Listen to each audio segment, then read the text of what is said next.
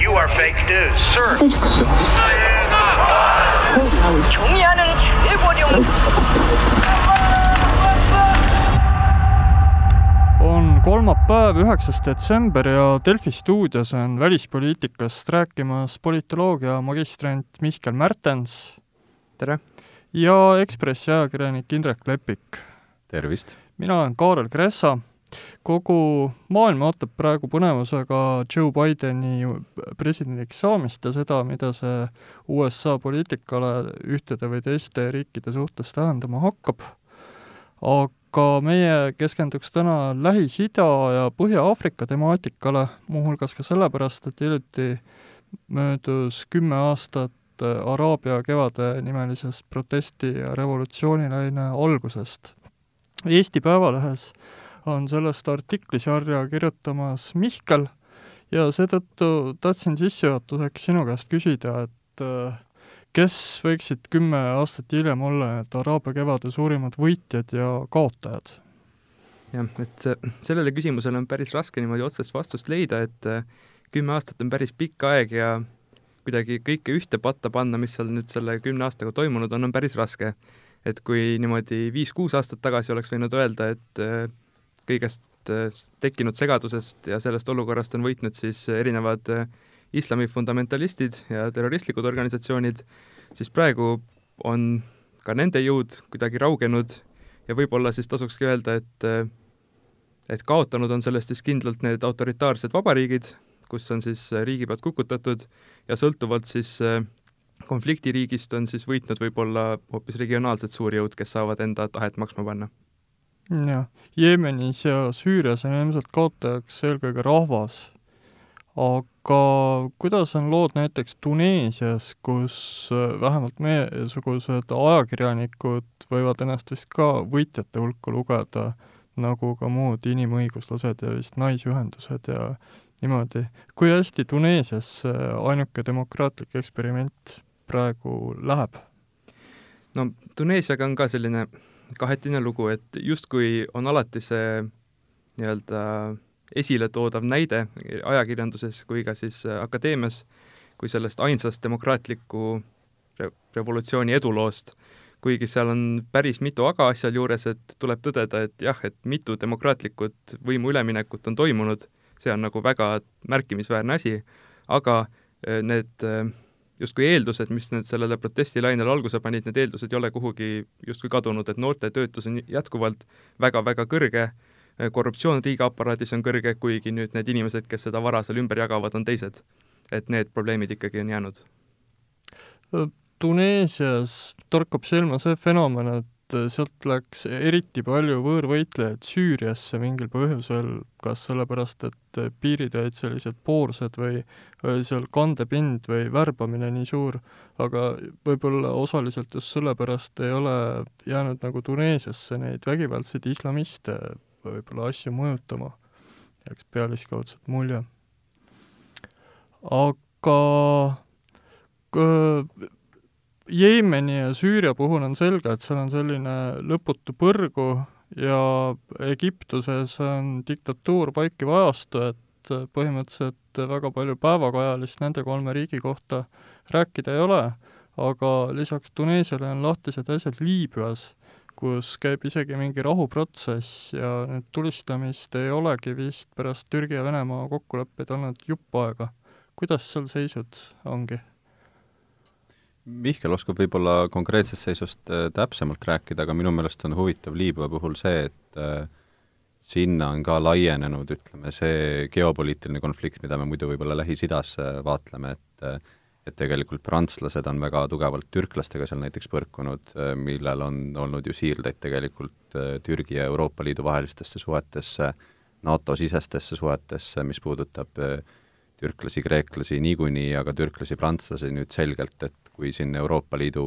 eh, tippkohtumine paari päeva pärast toimub, et seal ju samamoodi tegelikult arutatakse Türgi vastaseid sanktsioone, mitte tingimata otseselt Liibüast tingituna, et eh, seal on need maavarade küsimused, eks ole, Küprose lähistel, aga, aga tegelikult see Liibüa ikkagi nagu mängib olulist äh, rolli seal, aga, aga noh, vähemasti nii palju, kui minu selline hinnang on, siis ega ega Liibüas sellisest nagu noh, ühtsest ja stabiilsest riigist ju me ikkagi ei räägi. Ja et kui lisada, siis Liibüa puhul on ka päris märkimisväärne see, et konfliktil ikkagi saabub lahendus siis, kui suurjõud on need, kes otsustavad ära leppida, et see, mis seal nii-öelda koha peal kohalike tegijate tahtest sõltub, see ikka kõige määravam seal ei ole. hüppamegi äh, korra, muide, milles seal Liibüas praeguseks kokku lepitud on, et tulevahetus on peatatud, kas neil peaksid tulema mingisugused valimised ka? Praeguse plaani kohaselt jah, et aasta pärast peaks siis toimuma erakorralised presidendi- ja parlamendivalimised ja siis nüüd arutatakse, et milline see vahepealne aasta siis peaks täpsemalt välja nägema mm. -hmm. ja kes loeb sedeleid ja nii edasi. aga see Türgi roll on selles mõttes äh, väärt jututeema, et äh, eelmisel nädalal oli NATO välisministrite kohtumisel läinud vist kuuldavasti päris teravaks, et otsa tegi lahti USA välisminister Mike Pompeo, kes sissejuhatuseks heitis Türgile ette niisiis Küprose maavarade ütleme, seiramist kui ka Mägi-Karabahhis ja Liibüas toimuvat. Ja siis sealt võtsid omakorda vedu Prantsuse ja Kreeka, aga ka näiteks pisikese Luksemburgi esindajad ja Prantsuse välisminister Le Drian olevat koguni öelnud, et äh, Türgi kasutab äh, Venemaa hübriidsõja meetodeid ja kuidas nagu sõprade vahel niimoodi saab. aga silma torkab just see, et kui Prantsusmaa ja selliste riikide allikad räägivad äh, et kui Euroopa Liit näiteks näeb mingisugust ühtsust või noh, kas või NATO Euroopa riigid Türgi suhtes ja ka Euroopa Liidu sees, siis äh, tõmbaks Türgi kohe sealt Küprose juurest tagasi, aga silma torkab see, et Eesti ei paista üldse olevat huvitatud mingisuguse poole valimisest. seda on aru saada ka avalikest väljaütlemistest, samuti käib äh, Türgi välisminister üsna sageli siin esinemas ja noh, suhted paistavad olevat suurepärased see on selles mõttes muidugi veider, ma arvan, et eestlastel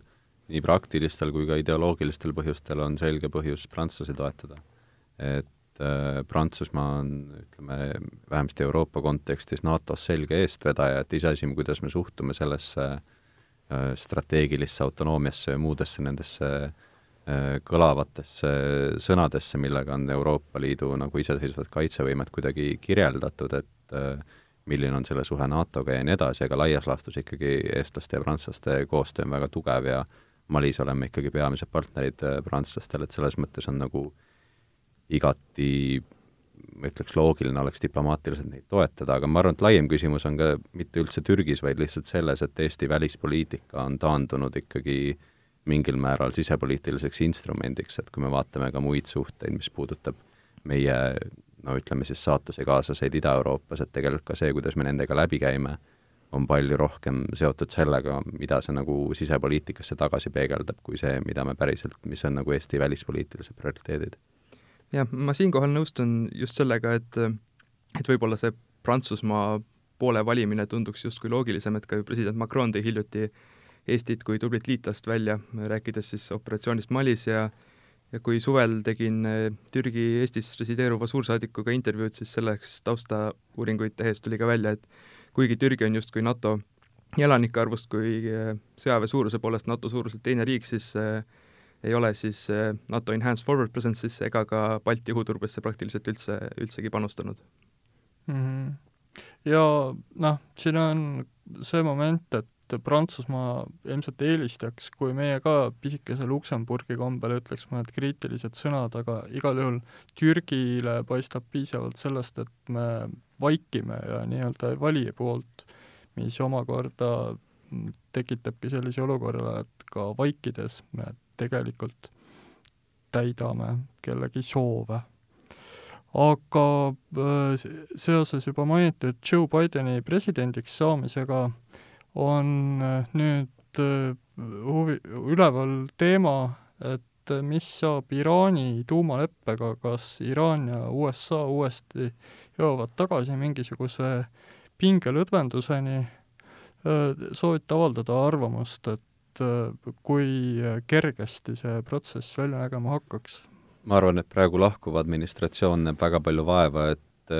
neid tuumakõnelusi ei oleks võimalik uuesti alustada. Et äh, seesama äh, Iraani tuumateadlaste, teadlase atentaat siin näiteks ja ja ka noh, tegelikult meenutagem, et aasta alguses ka ameeriklased tapsid ju komandör Sulemani ära. et, et siin tegelikult on Iraani suhtes tehtud väga jõulisi samme, mis mõistagi ei ole kuidagi nagu äh, ei pisenda Iraani rolli selles probleemis, et äh, Iraanil selgelt on äh, rikastatud uraani rohkem, kui äh, on ka selle kahe tuhande viieteistkümnenda aasta leppega kokku lepitud, nende signaal pärast seda hiljutist atentaati oli ka selgelt rikastamist jätkata, tõsi, siin on teatav selline nagu sisepoliitiline konflikt Iraanis sel teemal,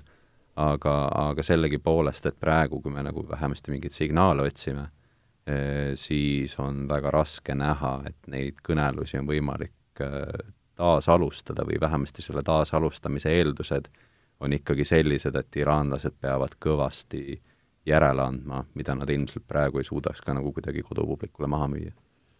jah, et lisaks praeguse administratsiooni püüdlustele ma ikkagi arvan, et äh, nii Saudi Araabia kui ka Iisrael püüavad äh, siis astuda neid samme, et äh, et uuel administratsioonil ei oleks võimalik sinna tuumaleppesse tagasi astuda ja ma arvan, et võrreldes Obama presidentuuriga on ka olukord piisavalt muutunud, et äh, sarnastel tingimustel ei oleks ka USA nõus sellist tuumalepet taas kehtestama. Iraanist endast pole ka tulnud alati julgustavaid signaale, et enne valimisi räägiti seal ka sellest, et USA-lt võiks nõuda kompensatsiooni, juhul kui nad tahavad lepingusse naasta kompensatsiooni kõigi nende sanktsioonide eest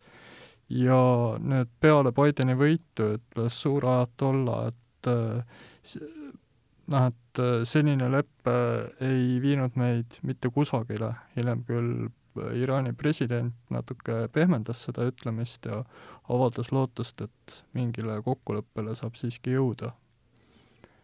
no selge on ka see, et USA strateegilised huvid on ikkagi, baseeruvad palju enam Iisraelis ja Saudi Araabias, et selles mõttes nad on ka nagu äh, loomulikud liitlased ja loomulik on ka tegelikult see, et äh, vähemasti niimoodi kuluaarides on ikkagi Iisrael ja Saudi Araabia liitlased, et äh, neil on väga palju ühiseid huvisid just äh, Iraani vastu äh,, Hezbollah vastu, üleüldse sellise nii-öelda äh, šiitliku džihadismi vastu, et äh, et, et selles mõttes nagu see dünaamika on paigas ja kindlasti sõltumata sellest, et Biden siin pärast seda Assoji mõrva nimetas Saudi Araabiat paariaks ja, ja tegelikult on ka Iisraeli suhtes noh, Trumpist kindlasti kriitilisem olnud. et, et sellegipoolest ma arvan, ameeriklaste selline strateegiline kaalutlus ei ole väga palju muutunud ja lõppkokkuvõttes ikkagi välispoliitikas mängib alati olulist rolli Ameerika noh, siis kaitsejõudude seisukohad ja luureagentuuride seisukohad ja nii edasi ja ma arvan, et nii-öelda äh, sellest lähtuvalt tegelikult äh, ei saa ka suhe Iraani väga muutuda. et üks asi, mida veel tasub jälgida, millest on päris pikalt sahistatud, et äh, kui nüüd Emiraadid ja Bahrein sõlmisid äh, need rahulepingud ja alustasid diplomaatilisi suhteid äh, Iisraeliga, siis on nagu sahistatud kogu aeg, et millal nüüd saudid selle lükke ära teevad. et äh, on, pole ju selline vähetuntud fakt, et Trumpi väimees Jared Kushner ja Saudi kroonprints Mohammed bin Salman on isiklikul tasandil väga head sõbrad ja et siis justkui nende teiste riikidega rahulepped oleks olnud selliseks eelmänguks, et see nii-öelda suurem hoop siis kedagi nagu ära ei ehmataks, et on spekuleeritud, et võib-olla ka Trumpi presidentuuri lõpus sellise sümboolse märgina eh, nendele diplomaatilistele püüd-, püüdlustele see, need nüüd sõlmitakse. Ja samuti päris huvitav oleks jälgida, et millistesse riikidesse teeb Joe Biden oma esimesed välisvisiidid, et kui Trump läks oma esimesele välisturneele, siis esimesed sihtkohad olid Saudi Araabia ja Iisrael, mis andis ka märku selle administratsiooni prioriteetidest, et oleks huvitav ka näha, kuhu, kuhu Biden siis esimesena läheb. oo jaa, aga mis puudutab Saudi kroonprintsi motiive, siis äh, pärast sinu mainitud spekulatsioone läksid levima ka spekulatsioonid, et ta siiski ei soovi teha Trumpile mingeid jumalaga jäetud teeneid, mille eest ta midagi vastu ei saa, ja selle asemel loodab oma noh, suhteid Bideniga varakult parandama hakata, mis vist saavad siiski ainult paraneda esialgu. ma mainiks siinkohal ka seda, et ikkagi seni, kuni Muhamed bin Salman on üksnes kroonprints ilmselt ei ole tal siseriiklikult sellist jõuõlga, et seda lõplikult ära teha, et kuningas Salman on ikkagi kogu aeg palestiinlaste eest seisnud ja ilmselt tema eluajal oleks seega ka äh, raske, raske midagi teha, aga samas ta on jällegi kaheksakümnendate keskpaigas, et selles mõttes tegu on ikkagi vana mehega. Et äh, Muhamed bin Salman selgelt äh, on juba number kaks mees kogu riigis või mingite kaalutluste järgi number üks mees, et, et sellest number üheks, number üheks ta ka kindlasti äh, saab, aga, aga võib-olla selle Bideni presidendiks saamisega ja, ja Saudide sellise ennetava diplomaatiaga ma tooks välja ka selle, et tegelikult äh, mis siin viimasel ajal selga, äh, silma on jäänud, on ikkagi signaalid sellest, et äh, Saudid, Emiraadid ja, ja kompanii soovivad vaikselt Katariga suhteid hakata parandama, et tegelikult see, et nad on suutnud Katari isoleerida niimoodi aastateks, on ka ikkagi suuresti tänu Trumpile, kes nagu kaasa kiitis sellele, et äh, Katari, Katar on küll ameeriklastele oluline liitlane, aga tegelikult, äh, tegelikult äh, Biden või vabandust, Trump ikkagi selgelt ei mõistnud hukka ei Saudide tegevust ega ka tegelikult seda hilisemat blokaadi ja, ja kõike muud, mis sellega kaasas käis. Jah, et paar nädalat tagasi ka Jared Kushner jälle lendas Saudi Araabiasse, et et sellist viimast lüket teha, et, et mingi suhete parandamine toimuks, et tundub ka justkui siis lahkuva administratsiooni selline viimane, viimane katse endast mingit märki maha jätta, aga aga see ongi justkui selle Trumpi administratsiooni kuidagi ütleme siis, kuidas nende diplomaatia välja näeb, et ei ole võib-olla ametlikud kanalid, ametlikud kõnelused, vaid ongi see, et saadab isikliku sugulase tihtipeale salaja, et on ajalehed kokku lugenud, et ta käib aastas mitu korda, nii et kuskil, kuskil sellest märget ei ole, käib Jared Kushner siis Ameerika Ühendriike diplomaatiliselt justkui esindamas Saudi Araabias. jah, selle Katari blokaadi eesmärk oli ju suruda Katar paari kuuga põlvili ja panna teda Saudi Araabia tahet täitma, nii et selle operatsiooni võib lugeda absoluutselt äh, nurjunuks, nagu ei ole õnnestunud ka Saudi printsi avantüür Jeemenis kodusõtta sekkumisel kuigi hästi eespool sai mainitud Araabia kevadet vist interventsiooni lõppenuks ei ole kuulutatud ja vaherahu ka ei ole, aga põhimõtteliselt võib nimetada ebameeldivaks patiseisuks ja kindlasti mitte Saudi koalitsiooni võiduks seda olukorda. Ja nad on ka märkimisväärselt vägesid sealt välja tõmmanud ja tõmbavad veelgi, et tundub, et justkui üritavad lõpetada enda jaoks seda konflikti. Jaa, aga mis puudutab Iisraeli ja araablaste rahuleppeid, siis selles suhtes vist on kogu läänemaailm üsna ühel meelel, et tegu on ühe positiivsema arenguga Trumpi ametiajast. Ja ka Joe Bideni lähikonnast on USA meediale öeldud, et kui üldse on üks poliitikasuund, mida maha kiskuma ega parandama ei hakata, siis see on just needsamad nii-öelda Abrahami rahulepped. Ma arvan, et Bidenil on väga palju välispoliitilisi asju, mille eest äh, Trumpi on kritiseeritud, aga mis on tegelikult Bideni jaoks kasulik hoida, et äh, et jah, meie enda saate kontekstis on see siinsamas Lähis-Idas, aga aga tegelikult ka suhetes Hiinaga ja, ja paljudes muudes asjades, et tegelikult äh, Trump tegi ära selle võib-olla ja noh, oma sellisel rohmakal viisil, aga tegi ära võib-olla selle, mis, mis tegelikult Obama ajal jäi tegemata, et Obama oli ikkagi väga selline konsensust otsiv ja, ja mõnes mõttes ka sellist äh, ameeriklaste kõva jõudu mitte piisavalt võib-olla ära kasutav president, et ta püüdis olla väga, väga diplomaatiline ja väga selline noh, mõnes mõttes isegi euroopalik, aga, aga tegelikult äh, ma arvan, et ameeriklastel on piirkonnas pärast teist maailmasõda vähemalt olnud nii tugev äh, roll, et oma jõu maksma panemine ka, ka selliste ütleme siis kõvemate sammudega, et äh, see on lihtsalt aeg-ajalt tarvilik. ja üks aspekt, mida veel jälgida, et kuivõrd Bideni administratsioonis nüüd on